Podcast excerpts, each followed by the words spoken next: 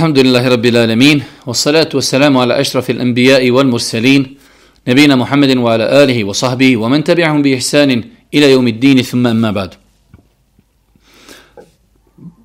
Uvažna braćo, poštovane sestre, uvaženi gledatelji, evo nas u našem drugom predavanju večeras u kojem govorimo o propisima dženazi. Kazali smo da je ovo naš 11. dan u kojem se družimo sa projektom Zimska škola Islama, Kazali smo također da svi oni koji prisustuju treba da ostave bilo kakav komentar zbog znači tehničkih razloga kako bi ako Bog da mogli ući u odabir onih koji će ako Bog da e, biti odabrani da idu na umru. Mi smo evo u prvom predavanju počeli da govorimo o propisima dženazije namaza i kazali smo da je Dženaza namaz generalno jedan specifičan namaz e, za kojeg se vezuju prije same dženaze mnogo, mnogo propisa. Mi smo odlučili da se družimo sa knjigom e, uvaženog doktora Šeja Safeta Kudzovića koja je definitivno možda kada gledamo generalno na E, bosanski jezik, da je to definitivno jedna od najboljih knjiga napisana u ovoj tematici. Kazali smo da je Šej Safet e, knjigu jednostavno e, napisao, racionalno podijelio u određena poglavlja, pa smo govorili u prvom poglavlju šta treba činiti i kako se ponašati osoba koja je na smrtnoj postelji. Drugo poglavlje govori o tom i poglavlje broj 2 nakon smrti šta se treba raditi, kako znači e, rodbina, kako, šta raditi sa Megitom e, nakon što se ustanovi da je čovjek mrtav. Prva stvar, kaže nam Šeji Safet, najbolji i najsigurniji put za utvrđivanje nastupa smrti je savremena medicina koja može ne samo potvrditi nastup smrti, već može odrediti i vrijeme u kojem je nastupila. Prva stvar znači moramo konstatirati sigurno da je čovjek preselio, da bi se na njega odnosili mnogi propisi, jer onog momenta sve dok je čovjek živ, na njega se odnose mnogi propisi koji se odnose na žive osobe.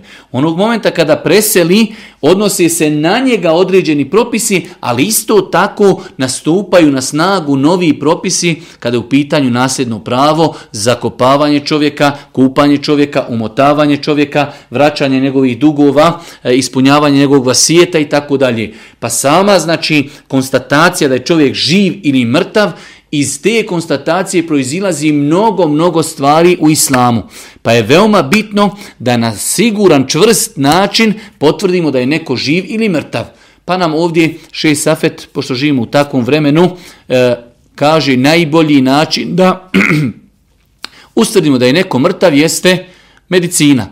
Koliko mi je poznato danas u savremenom svijetu, generalno ljudi, znači ako e, se hajde da kažem, ustvrdi da je neko mrtav, prva stvar jeste da se kontaktira neka zdravstvena ustanova, da ljudi dođu na lice mjesta i konstatiraju, konstatiraju smrt.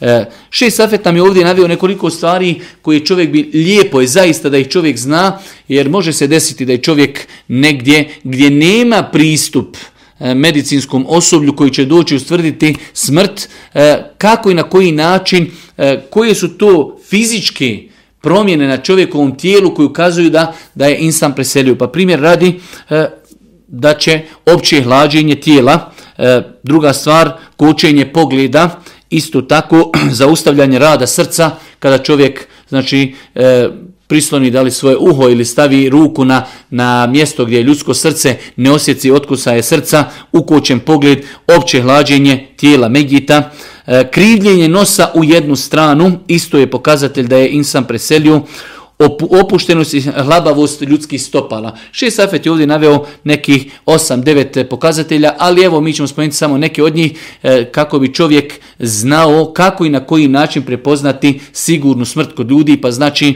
evo od početka otpuštenost i hlabavost stopala, krivljenje nosa u jednu stranu, zaustavljanje rada srca, kočenje ljudskog pogleda, opće hlađenje tijela medjita.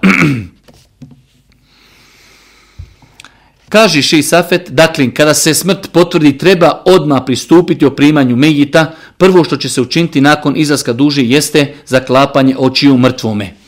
Znači, kada konstatiramo da je čovjek Mejit, kada vidimo zaista da je srce prestalo kucati, da, je, da se tijelo hladi, kada vidimo znači neke simptome koje smo spomenuli i ako već postoji neko medicinsko kompetentno osoblje koje potvrdi, prva stvar koju će uraditi prisutni jeste da će zatvoriti oči. Ovdje se radi o stvari koju preporučuje Allah poslanik ali se selam, a ona iz druge strane ima i ovu neku dunjaluč koja da kažemo korisa to je da je mejit mnogo ljepši kada su mu zatvorene oči za razliku osobi koja je umrla i ostale su joj otvorene oči, e, znači takva osoba, hajde da kažemo u jednom nako žargonu, izgleda malo strašnije i znači e, dok za razliku od osobe koja znači je mejit, preselila je i zatvorene su oči. Svakako, kada se ustanovi da je neko preselio, lijepo je požuriti odmah sa zatvaranjem očiju, da se tako tijelo ohladi, jer ako se tijelo ohladi otvorenih očiju, onda mislim da je veoma teško da se oči zatvori, ako se zatvori, one će se ponovo otvoriti. Šisafet nam je ovdje citirao nekoliko argumenata E, koji ukazuju na ovo pitanje. Allah poslanik ali se letu sram ušao je kod Ebu Seleme nakon što je preselio i vidio, i, i vidio njegov ukočen pogled. Potom mu je zatvorio oči i rekao pogled prati dušu kada izađe iz tijela. Imam Nevi Rahmetullahi Alehi e, navodi konsenzus islamskog učenjaka o sklapanju očiju umrlom. Kaže se također, e, Imam El Kurtubi je kazao, ovo se čini da bi mejit ljepše izgledao i da se prekrije e, promjena njegovih očiju. To smo mi spomenuli, znači e, zatvaranje očiju je sunnet Božijeg poslanika kojeg je on i podstakao i činio, a razlog tome jeste da bi mejit ljepši, izgledao. Kaže še Safet, oči umrlog treba zatvoriti odmah nakon izlaska duši prije nego se tijelo ohladi jer se nakon toga otežano, e, jer je nakon toga otežano sklapanje očiju.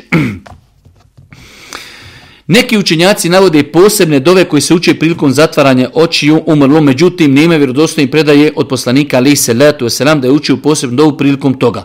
Pa je znači bitno zapamtiti ako se već konstatira da je osoba preselila, da je umrla, da je stalo e, znači kucanje srca, prvo što treba urati jeste zatvoriti oči dok je još tijelo toplo i da tako znači mejice ohladi, zatvori očiju. druga stvar koju trebamo znati jeste da ne postoji posebna dova. Svako ko se nađe znači, u blizini Mejita, ne mora se čekati neka učena osoba ili stručna osoba, svako može uzeti očne kapke i lagano ih znači, zatvoriti kako bi Mejit ljepši izgledao. Nakon toga kaže Šeji Safet, mnogi islamski pravnici smatraju da je lijepo pod vezačom koja ide ispod vilice i veže se na glavi stegnuti glavu umrlog. E, Znači, jednostavna stvar, kada Megit preseli, nerijetko se dešava da se lice znači, opusti i otvori se usta.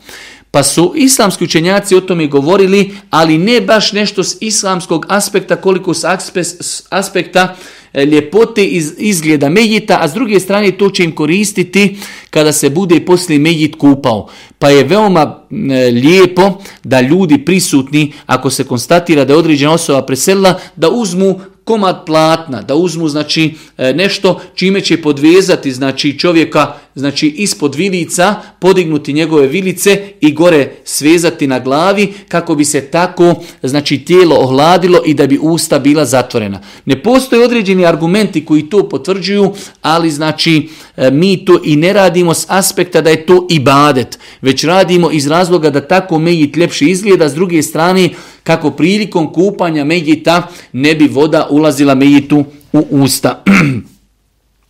Zato nam ših Safet i kaže, ovo se čini iz razloga da usta umrlog ostanu zatvorena zbog kupanja i da se onemogući ulazak insekata u tijelo, naročito u mezaru. Stoga nema smetnje prakticirati ovaj postupak, iako u sunetu ne postoji validan argument koji podržava ovo mišljenje. Znači imaju određeni argumenti koji govori o tome, ali nisu vjerodostojni. Ali smo mi kazali ovu, ovaj postupak ne moramo prakticirati s aspekta da je to ibadet, već to činimo zbog koristi koja se vraća tijelu Medjita. Također, neki islamski pravnici smatraju da treba razgibati ručne i nožne zglobove umrlog. Razgibavanje nožnih zglobova se vrši tako što će se cjevance nježno previti u koljena i spojiti sa butinama. U svakom slučaju ono što je bitno zapamtiti ako je osoba, konstatiramo da je osoba mrtva, zatvorit ćemo mu oči, uh, uzet ćemo komad platna i povezati vilicu da se zatvori usta kako bi mejit njegovo tijelo ljepše izgledalo. Uh, nakon toga lijepo je nakon što duša iziđe, nakon što se počne hladiti tijelo, razgibati sve zglobove, e, znači mejtovog tijela, e, zglobove ruku, e, laktova, ramena, zglobove koljena, zglobove butina, tako da će čovjek presaviti nekoliko puta svaki taj dio ljudskog tijela. Korist ovoga također nije znači potvrđeno šerijatskim dokazima se to radi, već je ovo bitno i olakšat će ljudima koji budu kupali i mejta i kada ga budu zamotavali u čefine, pa je lijepo to uraditi, znači lijepo je da svaki musliman zna ove postupke ako smo se desili u situaciji da je neko na smrtnoj postelji i preselio je, umro je, prvo što ćemo uraditi jeste da ćemo mu zatvoriti oči, zatražit ćemo neku krpu, E, čistu, znači ili komad platna, napraviti podvezaču zavoj, uzeti, podvezati znači vilicu da se usta zatvori, da se ljudsko tijelo tako onaj ohladi, uzet ćemo e, znači zglobove i razgibati ih kako bi to olakšalo ljudima koji budu koji budu e, kupali poslije mejita. Ovdje nam je šest safet iako će on na kraju knjige govoriti o neosnovanim postupcima vezanim za dženazu, spomenuo je, e, nužno je napomenuti da neki islamski pravnici smatraju pohvalnim staviti na stomak umrlog željezni ili drugi težak predmet koji će spriječiti napuhivanje stomaka. Znači, bilo je učenjaka koji su kazali kada Megid preseli, stavit će se nešto teško na njegov stomak kako se ne bi stomak napuhivao, kaže Šej Safet na kraju. Međutim, ovaj postupak nije ispravan iz dva razloga. Prvo, citirane predaje nisu ispravne. Drugo, stavljanje željeznog predmeta poput sablje ili noža ili slično ne može spriječiti napuhivanje stomaka. U svakom slučaju, znači, E, nije potvrđeno da mejit nakon što preseli, da treba staviti na njegov stomak nešto teško kako se ne bi, hajde kažemo, stomak mejita napuhivao. Nakon ove tri stvari koje smo uradili, znači nakon što smo zatvorili oči mejitu, nakon što smo nakon što smo podvezali vilicu i nakon što smo razgibali njegove zglobove, uzima se jedan veliki komad platna i pokriva se tim platnom Megit. Kaže Safet, nakon toga će se pokriti cijelo tijelo mejta sa jednodjelnim pokrivačem. A Iša Allah, ta'ala kaže, kada je preselio Allah poslanik pokrivenim prugastim e, prekrivačem. Imam nevevi navodi konsenzus islamskoj učenjaka u ovom pitanju. Znači, kada konstatiramo da je Mejit preselio, prva stvar koju ćemo raditi jeste da ćemo zatvoriti njegove oči da bi ljepše izgledao, zatvorit ćemo njegova usta, podvezati, znači podvezačom, da li zavojom ili nekim platnom, da se tako tijelo ohladi. Kada se tijelo tako ohladi, može se to sklonuti, razgibat ćemo njegove zglobove i nakon toga prekrićemo njegovo tijelo, znači sa jednim komadom platna islamski učenjaci navode znači konsenzus da je to povalan postupak jer je tako urađeno sa Božim poslanikom se se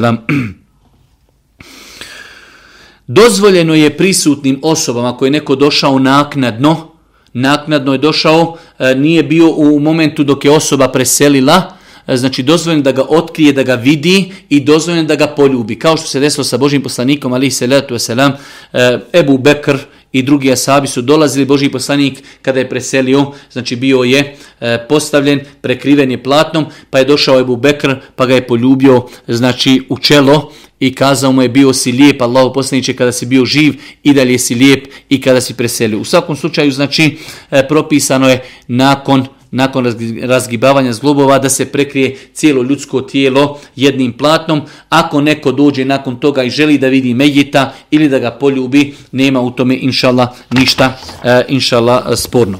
Nakon toga treća stvar, rekli smo da imamo e, savjete i propise koji se vezuju za osobu koja je na smrtnoj postelji. Ovo su savjeti koji su, ajde kažemo, potrebni vjerniku da ih zna kada se konstatira da je osoba preselila. Nakon toga dolazimo do poglavlja kupanja Mejita.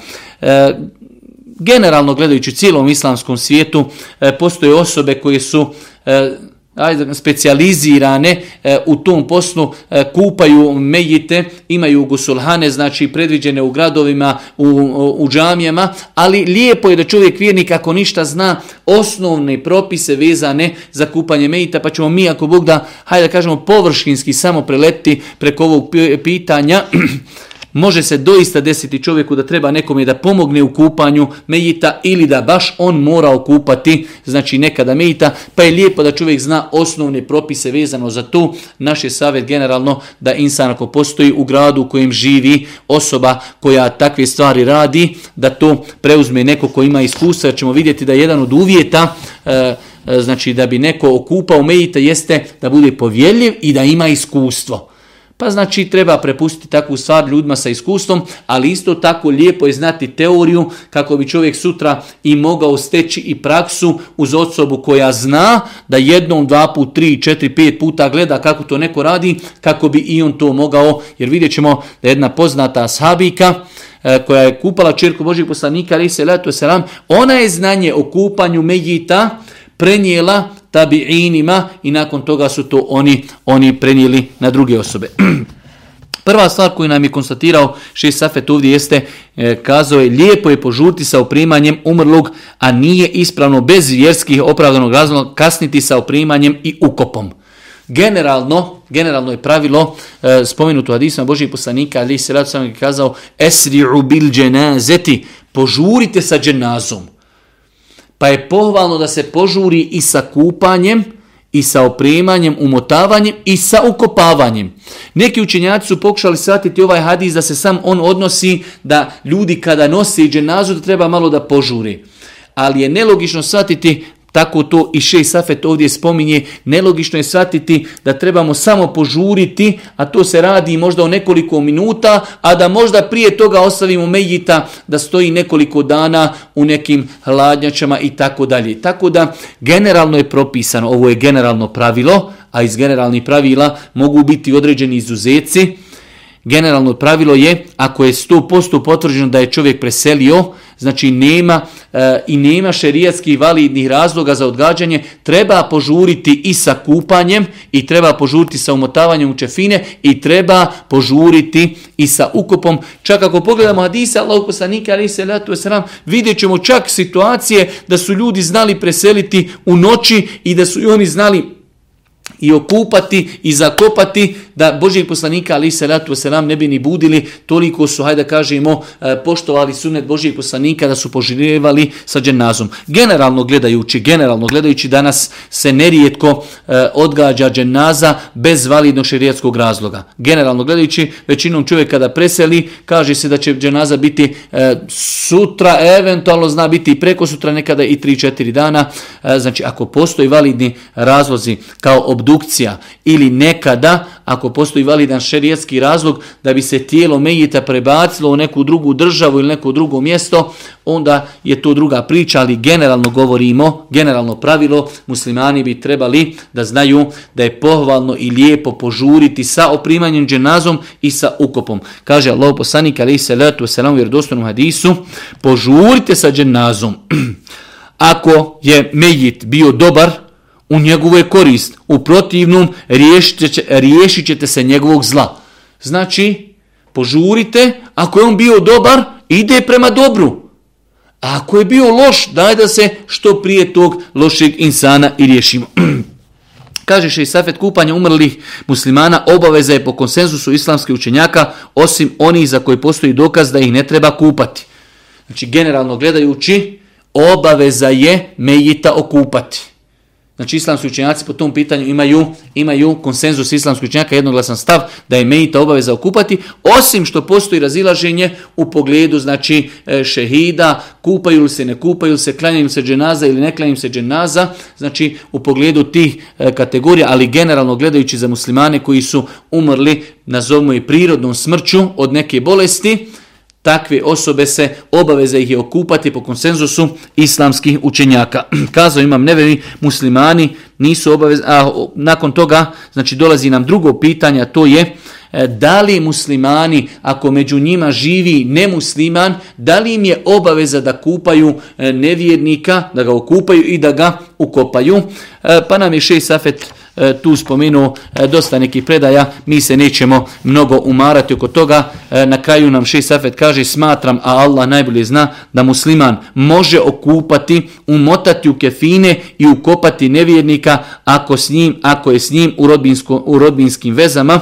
U protivnu ne treba to činiti, ovo mišljenje smo odabrali zbog sljedećih razloga. Prvo, nema jasnog ispravnog argumenta koji to brani. Drugo, Čovjek je obavezan činti dobročinstvo svojim bližnjima čak i ako su nevjernici. Treće, ispredaji, ali radijallahu ta'ala se može se indirektno razumjeti da je okupao Ebu Taliba, četvrtu ovu mišljenje zastupao Ibnu Abbas i nije poznato da je Iko e, imao od Asaba suprotan stav tomi. Znači Ši Safet nam je nakon što je konstatirao da je muslimanima obaveza da okupaju čovjeka muslimana koji preselio znači u njihovom društvu, postavlja se pitanje ako među muslimanima bude nevjernika koji su za njih vezali rodbinski, da li im je dozvoljeno da li im je dozvoljeno da takve insane oni okupaju i da ih oni zakopaju i da ih oni, znači, eh, hajde da kažemo, zamotaju? Pa je Ši Safet kazao, E, smatram, Allah najbolje zna da musliman može ukopati i umotati u kefine i ukopati nevjernika ako je s njim bio u rodbinskim vezama. Pa je spomenuo četiri razloga zbog čega je preferirao ovo mišljenje, zato što ne postoje argumenti koji nama to zabranjuju.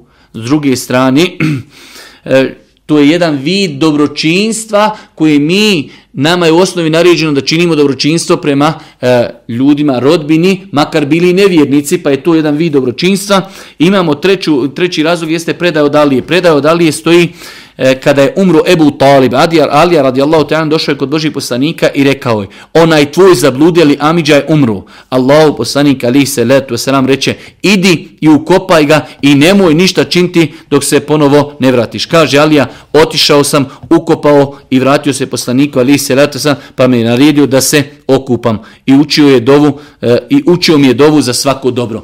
Pa vidimo da je Allah poslanik ali se letu selam naredio ali radi Allahu ta'ala da ide ukopati njegovog Amidžu Ebu Taliba. I na kraju e, ovo mišljenje, znači da je muslimanima dozvoljeno da okupaju, e, da okupaju e, nevjerni ako su sa njim u rodbinskoj vezi i da ga umotaju kefine i da ga zakopaju, zastupaju Ibnu Abbas, a nije poznato da je neko da Saba zauzimao suprotan stav Tomi. Svakako ovdje se samo misli na na ukop, nakon toga Šeji Safet nam kaže, međutim, nije dozvoljeno, dozvoljeno nevjerniku klanjati dženazu po konsenzusu islamskog učenjaka, niti je dozvoljeno moliti za njega nakon smrti, jer nevjerniku nikada neće biti oprošteno.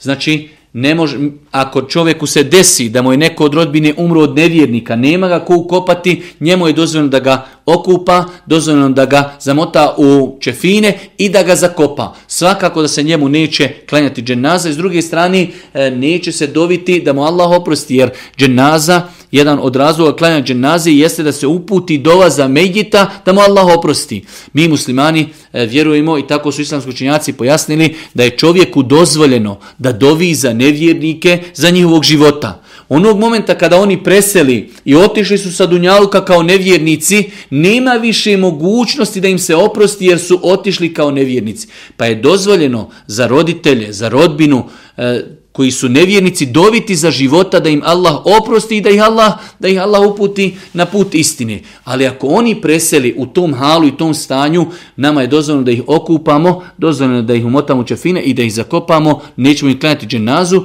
i nećemo moliti njima za oprost. Isto tako, kaže Šeji Safe s druge strane, nije dozvoljeno da nevjerni kupa muslimane po mišljenju svih islamskih učenjaka. Nakon toga jedno pitanje, E, koji rekli smo i možda nema neku veliku praktičnu, e, ajde da kažemo, e, korist, ali je lijepo da ga znamo, a to je ko je najpreći da okupa insana. Prva stvar, kada insan preseli, gledamo da li je stavio u oporuci ko šta bi želio da ga neko okupa. Ako je čovjek preselio i u oporici je napisao želio bi da me taj okupa ili da mi taj klanja dženazu, onda je on najprioritetniji.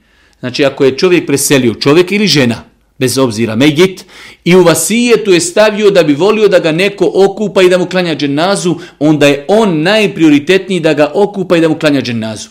Ako ne postoji u vasijetu nešto što ukazuje šta bi megit volio da ga neko okupa, nakon toga onda gleda se znači da, da su to osobe koji su najbliže insanu. Pa je ovdje šest Safet citirao jedan redoslijed, a to je ako, um, e, ako umrli nema žene, najpreće da ga okupa otac, potom djed, potom sin, potom unuk, potom brat, potom bratić, potom amidža, potom amidžić. Ovo je neki redoslijed najbliži muškaraca, ako bi se već gledao neki redoslijed, ali vidjet ćemo poslije uvjete da budu kompetentni i da budu povjerljivi. Ali kao najpreći ko je, ko je najpreći, e, kaže se da je to otac, potom djed, potom sin, potom unuk, potom brat, potom bratić, potom amidža i potom amidžić.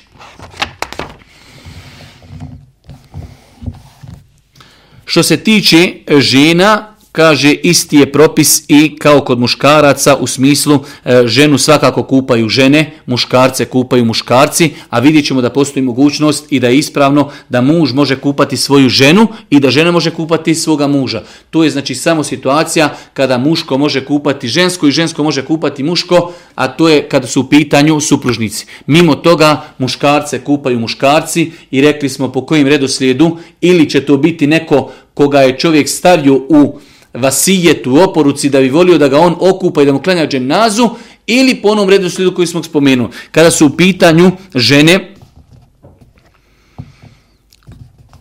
najpreča je majka, potom nana, potom kći, potom unuka, potom sestra. Znači, to je redoslijed kada su u pitanju žene, a vidjeli smo redoslijed kada su u pitanju muškarci. Nakon toga dolazimo do onog pitanja kojeg smo evo već malo prije ispomenuli, a to je e, da da li je dozvoljeno, da li je dozvoljeno da muž kupa svoju suprugu koja je preselila ili da supruga kupa svoga muža? Jedno je veoma interesantno i lijepo pitanje, jer nerijetko se desi da e, supružnici su toliko živjeli lijepo da bi jednostavno i taj zadnji, hajde kažemo, e, životni oproštaj, voljeli da budu jedno uz drugo, pa u smislu muž bi volio da okupa svoju suprugu, a supruga bi voljela da okupa svoga muža, da li je to u islamu dozvoljeno. Mi smo generalno kazali da muškarce generalno treba da gasule i kupaju muškarci, da žene treba da gasule ženu. Osim u ovom slučaju, a Postoji opet iznimka kad su u pitanju malehna djeca, ali generalno gledajući ovo je pravilo da muškarce, punoljetni muškarce puta, kupaju punoljetni muškarci, e, punoljetne žene kupaju punoljetne žene. E, ostaje nam pitanje supružnika. Pa kaže nam Šej Safet što se tiče kupanja gdje muškarca kupa njegova supruga, to je dozvoljeno po konsenzusu. Po konsenzusu islamskoj činjaka žena može kupati muža. Žena može kupati svoga muža ako ona ima volju za tim, ima znanje, želi da pomogne pri kupanju svoga muža, to je dozvoljeno u islamu. Prenosi se u vjerodostojnim predajima koje ćemo poslije citirati da Allah poslanik ali se letu E, spomenuo, da je Allah poslanik spomenuo da bi, e, govorit ćemo poslije o tom hadisu. Nakon toga dolazi drugo pitanje, a to je da li muž može kupati ženu. Rekli smo žena može kupati muža po jednoglasnom stavu učenjaka, dok drugo pitanje učenjaci razilaze u pogledu dozvoljnosti mužu da on kupa svoju ženu. Velika većina islamskih učenjaka smatrala je da muž može kupati svoju ženu nakon smrti kao što žena može kupati muža. Bilo je učenjaka, jedna manji dio islamskih učenjaka koji su smatrali da muž, ako mu žena preseli, oni više nisu muž i žena i on nema više pravo da je dotiče. Ona je za njega strankinja žena, što svakako, što svakako e, ajde da kažemo, nema svoje utemeljenje. Allahu poslanik ali se letu selam Jednog dana vratio se e, sa medijinskog mezarja El Beqija i čuo je kako Aisha jadikuje pa, e, zbog glavobolje, pa je kazao Allah poslanik, ne smeta ako preseliš ti prije mene. Ja ću te okupati, zamotati u čefine, klanjati ti dženazu i ukopati te. Allah poslanik kaže svojoj supruzi. Čuo je kako nju e, ona jeca, od bolova, boli je glava, pa kaže Allah poslanik alaih salatu wasalam, a iši, ne smeta. Ako bi se desilo da ti preseliš prije mene, ja ću te okupati, ja ću te umotati u čefine, ja ću ti klanjati dženazu i ja ću te ukopati. Jasan hadis koji jasno ukazuje da je muškarcu, mužu dozvoljeno da kupa i da klanja, e, da kupa svoju suprugu i da ju klanja dženazu. U vjerodostojnim predajama se navodi da je Alija radijallahu kupa kupao svoju suprugu Fatimu, čirku Božijeg poslanika, alihi salatu wasalam. Znači imamo dva jasna argumenta koji potvrđuju da su obje ove situacije dozvoljene. Rekli smo da je po konsenzusu islamskoj učenjaka dozvoljeno da žena učestvuje u kupanju svoga muža. Ako to želi, ako bi voljela, ako bi htjela, ako zna. Postoji razilaženje kod učenjaka da li muž može kupati ženu, pa smo rekli, velika većina islamskih učenjaka smatrala je da muž može isto tako kupati ženu kao što žena može kupati i njega.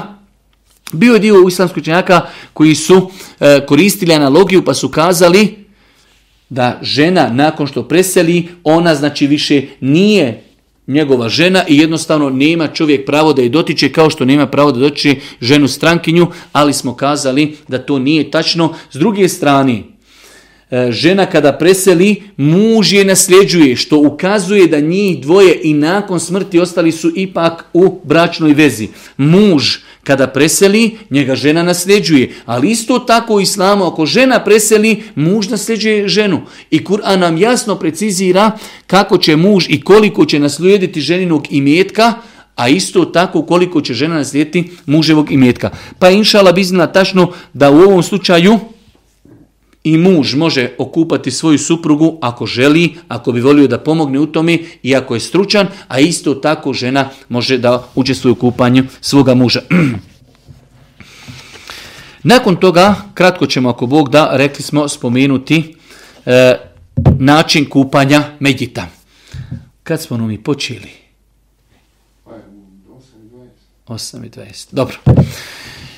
Imamo hadis kojeg od Božijeg poslanika, salatu odnosno, znači, kojeg zabilježio imam Buharija, od Umu Atije, da je ona kupala čerku Umu Kulthum, Božijeg poslanika, salatu i Allah poslanik je njima tada dao smjernice kako da okupaju njegovu čerku. S druge strane, ova uh, ashabika Umu Atija je bila poznata e, da je i prije toga kupala Megite, pa znači ona je ta koja je prenijela nama uh, Glavni hadise koji govori o tome kako i na koji način se kupa mejit. Kaže mu Atija radijallahu ta'ala, kada sam kupala čirku Allahu poslanika, došao je Allahu poslanika i rekao, okupajte vodom i sidrom. Vodom i sidrom. Tri ili pet ili više puta ako hoćete. Posljednji put pomiješajte sa vodom kafur, pa kada završite pozovite me. Kada smo završile, pozvali smo Allahu poslanika, pa nam je dao svoj ogrtač i rekao pokrijte ovim ogrtačem. Ovo je znači jedan od osnovnih hadisa E, koji ukazuje kako i na koji način se kupa mejit. Svakako imaju dodatni rivajet i predaje koji e, pojašnjavaju kako i na koji način se kupa mejit. Još jednom, došao je Allah poslanik ali se letu selam i kazao je ovoj ashabiki okupajte vodom i sidrom tri ili pet ili više puta ako hoćete i ako vidite potrebu za tim. Posljednji put pomiješajte sa vodom kafur, pa kada završite pozovite me. Kada smo, kaže, završile, pozvali smo Allahog poslanika, pa nam je on dao svoj ogrtač, pa smo zamotali njegovu čirku u njegov ogrtač. U drugim verzijama, ovo je znači osnova hadisa, postoje druge stvari koje pojašnjavaju kako se kupa mejt, pa je rekao u jednim od hadisa Boži poslanik, okupajte tri ili pet ili sedam puta ili više puta. Znači pa se mejet kada se kupa, vidjet ćemo poslije ćemo o tome inšala govoriti. Znači ako ima ne potrebu i ako prilikom pritiskanja stomaka mejita bude izlazilo na analni otvor nešto od nečistoće, može se znači okupati mejit i tri puta i pet puta i sedam puta, a ako ima potrebe i više. Isto tako rečeno je u nekim hadisima Zaustavite na neparnom broju. Pa znači kada se kupa mejt, kupa će se ili tri puta, ili pet, ili sedam, ali je znači od da se zaustavi na neparnom broju. U, u nekim predajama je također spomenuto započnite kupanje s desne strane i od dijelova tijela koji se peru pri abdestu. Pa ćemo vidjeti da je propisano i lijepo da se medjet kada se kupa, da se znači prvo uzme abdest medjitu, kao što je uzimao abdest za života, a nakon toga kada se sapiri nakon glavi, da se peri desna strana, nakon toga lijeva strana.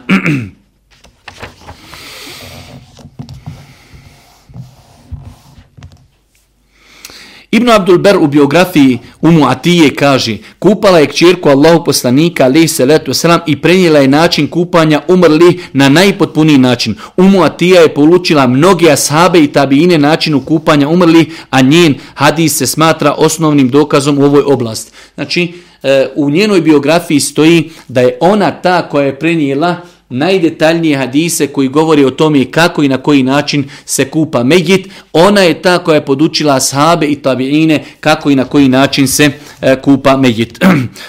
Kaže še Safet, umrlog će okupati osoba koja ima već prijethodno iskustvo. Znači, da bi insan nekoga okupao, Nelogično je da e, dođe čovjek i prvi put kupa Mejita, već će to činiti sa nekom osobom koja već ima iskustva nekoliko puta, a nakon toga može i on samostalno početi kupati Mejita. Pa prva stvar koju bi trebali, znači da znamo da ako već neko želi da kupa Mejita, treba da to bude osoba koja ima iskustva. U jednoj od predaja stoji, e, kada je u pitanju ova ashabika Umu Atija, kaže se, kada je umrla jedna od poslanikovih čeri, pozvali su me da je okupam. Pozvali su me. Zašto su je pozvali? Zato što je ona bila poznata potom i u znači Medini, da je ona kupala žene, pa su nju pozvali. Isto tako se navodi predaja da je Alija radijallahu u e, kada je počeo kupati Božijeg poslanika, podigao je tijelo Božijeg poslanika prema sebi, pa kažu islamski učenjaci, tu ukazuje na taj postupak da je Alija radijallahu Talanhu znao kako i na koji način se kupa, kupa mejit. Kaže Šej Safet, pored iskustva, neophodno je da osoba koja kupa mejita bude bogobojazna, povjerljiva i da prekrije eventualne mahane koje uoči na tijelu mejita. Znači, Potrebno je da osoba zna i da bude povjerljiva, bogobojazna od emaneta. Može se desiti da insan primijeti na ljudskom tijelu mejita neku mahanu koju je čovjek imao na tijelu i niko za nju nije znao, pa je potrebno to prekrije. S druge strane, nekada se dijeli, desi, kao što spominju islamski učenjaci, da e, prilikom smrti e, kod mejita se tijelo izobliči i ne mora to značiti automatski da je to neki pokazatelj, da je to loš e, kraj tog mejita. Jednostavno, u datom momentu tijelo znači doživi određene deformacije, pa je pohvalno i lijepo osobi koja kupa mejita da to ne, ne, širi nikome i da to prekrije. Čak o tome i postoji posebni hadisi. Kaže se u vjerodostojnom hadisu da je Allah poslanik kazao ko okupa Mejita i prekrije ono što je vidio na njegovom tijelu, Allah će mu oprostiti 40 puta. Prvi hadis da ako neko okupa Mejita i vidi na njegovom tijelu neku mahanu i to prekrije, nikome ne kaže Allah će mu oprostiti 40 puta. U drugom hadisu stoji da Allah poslanik kazao Allah će mu oprostiti 40 velikih grijeha. To je drugi hadis. I imamo generalno hadis da Allah poslanik ali se ratu selam kazao ko prekrije muslimana i njegove mahane, Allah Jošanu će prekriti njega i njegove mahane. Tako da generalno znači pohvalno je osoba koja se bavi kupanjem Megita, da ono što vidi nikome ne priča, osim što možda nekada ispriča nešto, znači u trećem licu, ne govoreći o kome se radi zbog nekog ibreta i neke pouke, ali znači da ne širi tajne koje je vidjela pri određenom Megitu. Kaže šeht Safet, otkrivanje mahana tretira se vrijeđenje mrtvoga E, što je svakako zabranjena Iša prenosi da Allah poslanik kazao nemojte vrijeđati mrtvi. Znači insan kada bi pao u ovaj grijeh, on na taj način vrijeđa Megita. Već je Megit otišao sa zemlje, pa nema potrebe da se njegove mahane dodatno širi. Allah poslanik je kazao u hadisu nemojte vrijeđati Megite. E, postoji e, razilažen kod islamskih učenjaka koji je Safet ovdje kroz komparativni fiks spomenuo, da li treba osoba koja koja kupa mita da nije ti znači kupanje medjita, Allah najbolje zna svakako, Allah poslani kaže innemel a'malu bin nijat, doista se djela vrednuju po namjerama, svakako da je prioritetni da čovjek ima namjeru da e, želi da okupa medjita i da time od njega otkloni pravnu nečistoću, želi da ga, hajde kamo, pripremi za ukop. Tako da definitivno je ljepše i bolje da e, onaj koji kupa medjita ima u svome srcu namjeru da želi da od njega otkloni, hajde kažemo, pravnu nečistoću. Nakon toga, kaže Šej Safet, nakon što se med postavi na sto za kupanje, skinuće se sva odjeća sa njega, ako to već prethodno nije učinjeno.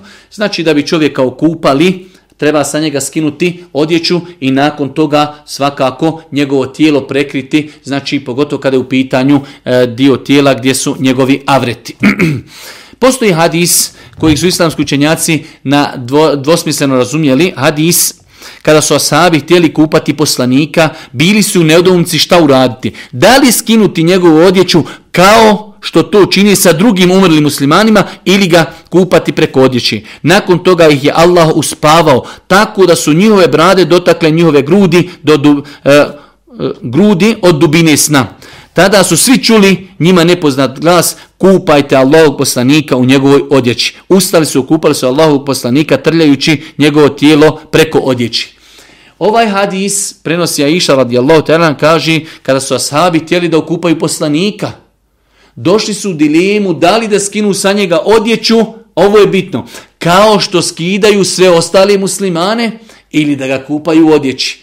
Pa je e, uzvišen Allah podario da su svi ljudi koji su bili tu prisutni zaspali, da je obuzeo san pa su čuli glasnika koji probudio ih iz sna, koji je kazao kupajte Allahu poslanika se letu selam u odjeći, pa su Allahu poslanika kupali u odjeći, posipali su vodu po odjeći i tako na taj način su trljali tijelo Božijeg poslanika iz respekta i prema poštovanju, iz respekta i poštovanja prema Božim poslaniku, njega i njegovo tijelo su samo okupali preko odjeći, a ostali muslimani znači se e, svakako skidaju i to je lakše, svakako da tijelo, pogotovo avre znači treba da budu pokriveni. E, čovjek koji kupa mejita, e, ruku kojom trlja mejita će zamotati u peškir ili uzeti rukavicu kako ne bi direktno dodirivao njegovo tijelo, pogotovo kad su u pitanju njegovi avreti, što je zabrajno znači da čovjek direktno e, svojom rukom dodiruje avrete muslimana.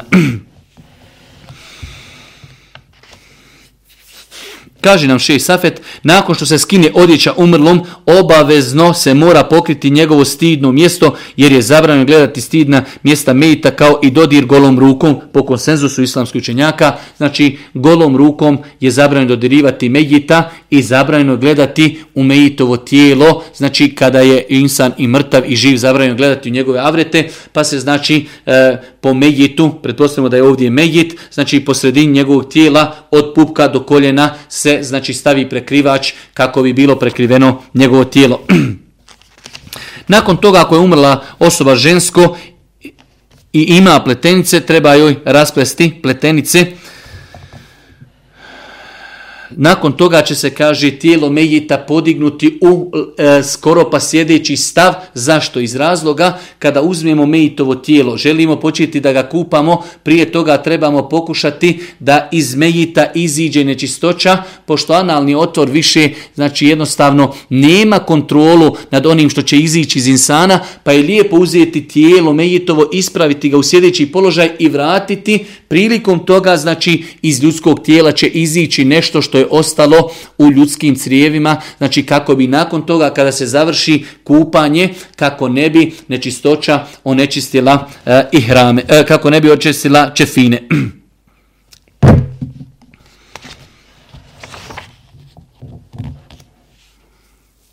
Nakon toga, nakon toga Safet Safetna ovdje tretira pitanje kojom vrstom vode će se kupati e, medije, da li hladnom, da li toplom vodom. Ne postoje, koliko mi je poznato, neki e, validni argumenti koji ukazuju tako da osoba koja kupa, ona će odlučiti da li joj je adekvatnije, ljepše, lakše zbog nje, zbog uvjeta u kojima se trenutno nalazi, da li je ljeto, da li je zima. Znači, odlučit će da li joj je potrebna hladna ili topla voda, nema smetnje da se koristi i hladna i topla voda prilikom kupanja mejita.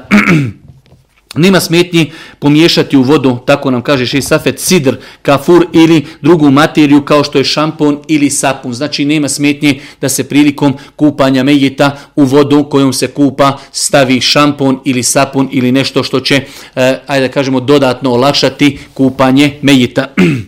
Zatim će se mejitu uzeti abdest. Šest safet nam kaže, zatim će se mejitu, e, znači nakon što smo podigli mejita, e, znači sljedeći stav pa ga vratili da e, iziđe iz njegovog stomaka ono što može da iziđe, nakon toga znači svakako da će se, fala Allah pa je danas toliko to sve olakšano da imamo znači tuž baterije, da imamo znači šlauf, da možemo očistiti ono što iziđe iz mejita i nakon toga se mejitu uzima Eh, abdest onako kako se uzima abdest za, eh, za namaz, s tim što kažu islamski učenjaci ne, može se, ne mogu se izapirati usta, jer kada čovjek prilikom abdesta mi živi, kada abdestimo mi stavimo vodu u usta, imalo i promučkamo, isto tako kada izapiremo nos mi ušmrknujemo vodu, dok to mejit ne može urati tako da će se uzeti abdest bez, eh, bez čišćenja usta, ispiranja usta i bez ispiranja nosa. Nakon toga se, nakon toga se pere, kaže nam ši safet, pere kosa, lice i brada megita, znači pere se kosa, lice, brada, e, nema nikakve smetnje da se počešlja i kosa i brada megita. nakon toga, nakon toga, nakon što se opere glava Megitu, peri se desni bok i peri se nakon toga lijevi bok ono što je neophodno, kada smo govorili o propisima gusula za živu osobu, rekli smo da je neophodno da treba voda da dotakne i da dostigne na svaki dio tijela, isto tako i kada se kupa mejit, potrebno je znači da voda dođe do svih dijelova tijela, rekli smo peri se glava, nakon toga se e, mejit postavi na lijevi bok da bi se oprao desni bok, e, svakako isprijeda i sa zada, nakon toga se stavi na desni bok da bi se oprao lijevi bok. Ši Safet nam ovdje navodi na jednom mjestu e, iz respekta prema Mejitu, ne bi Mejita trebalo stavljati na stomak.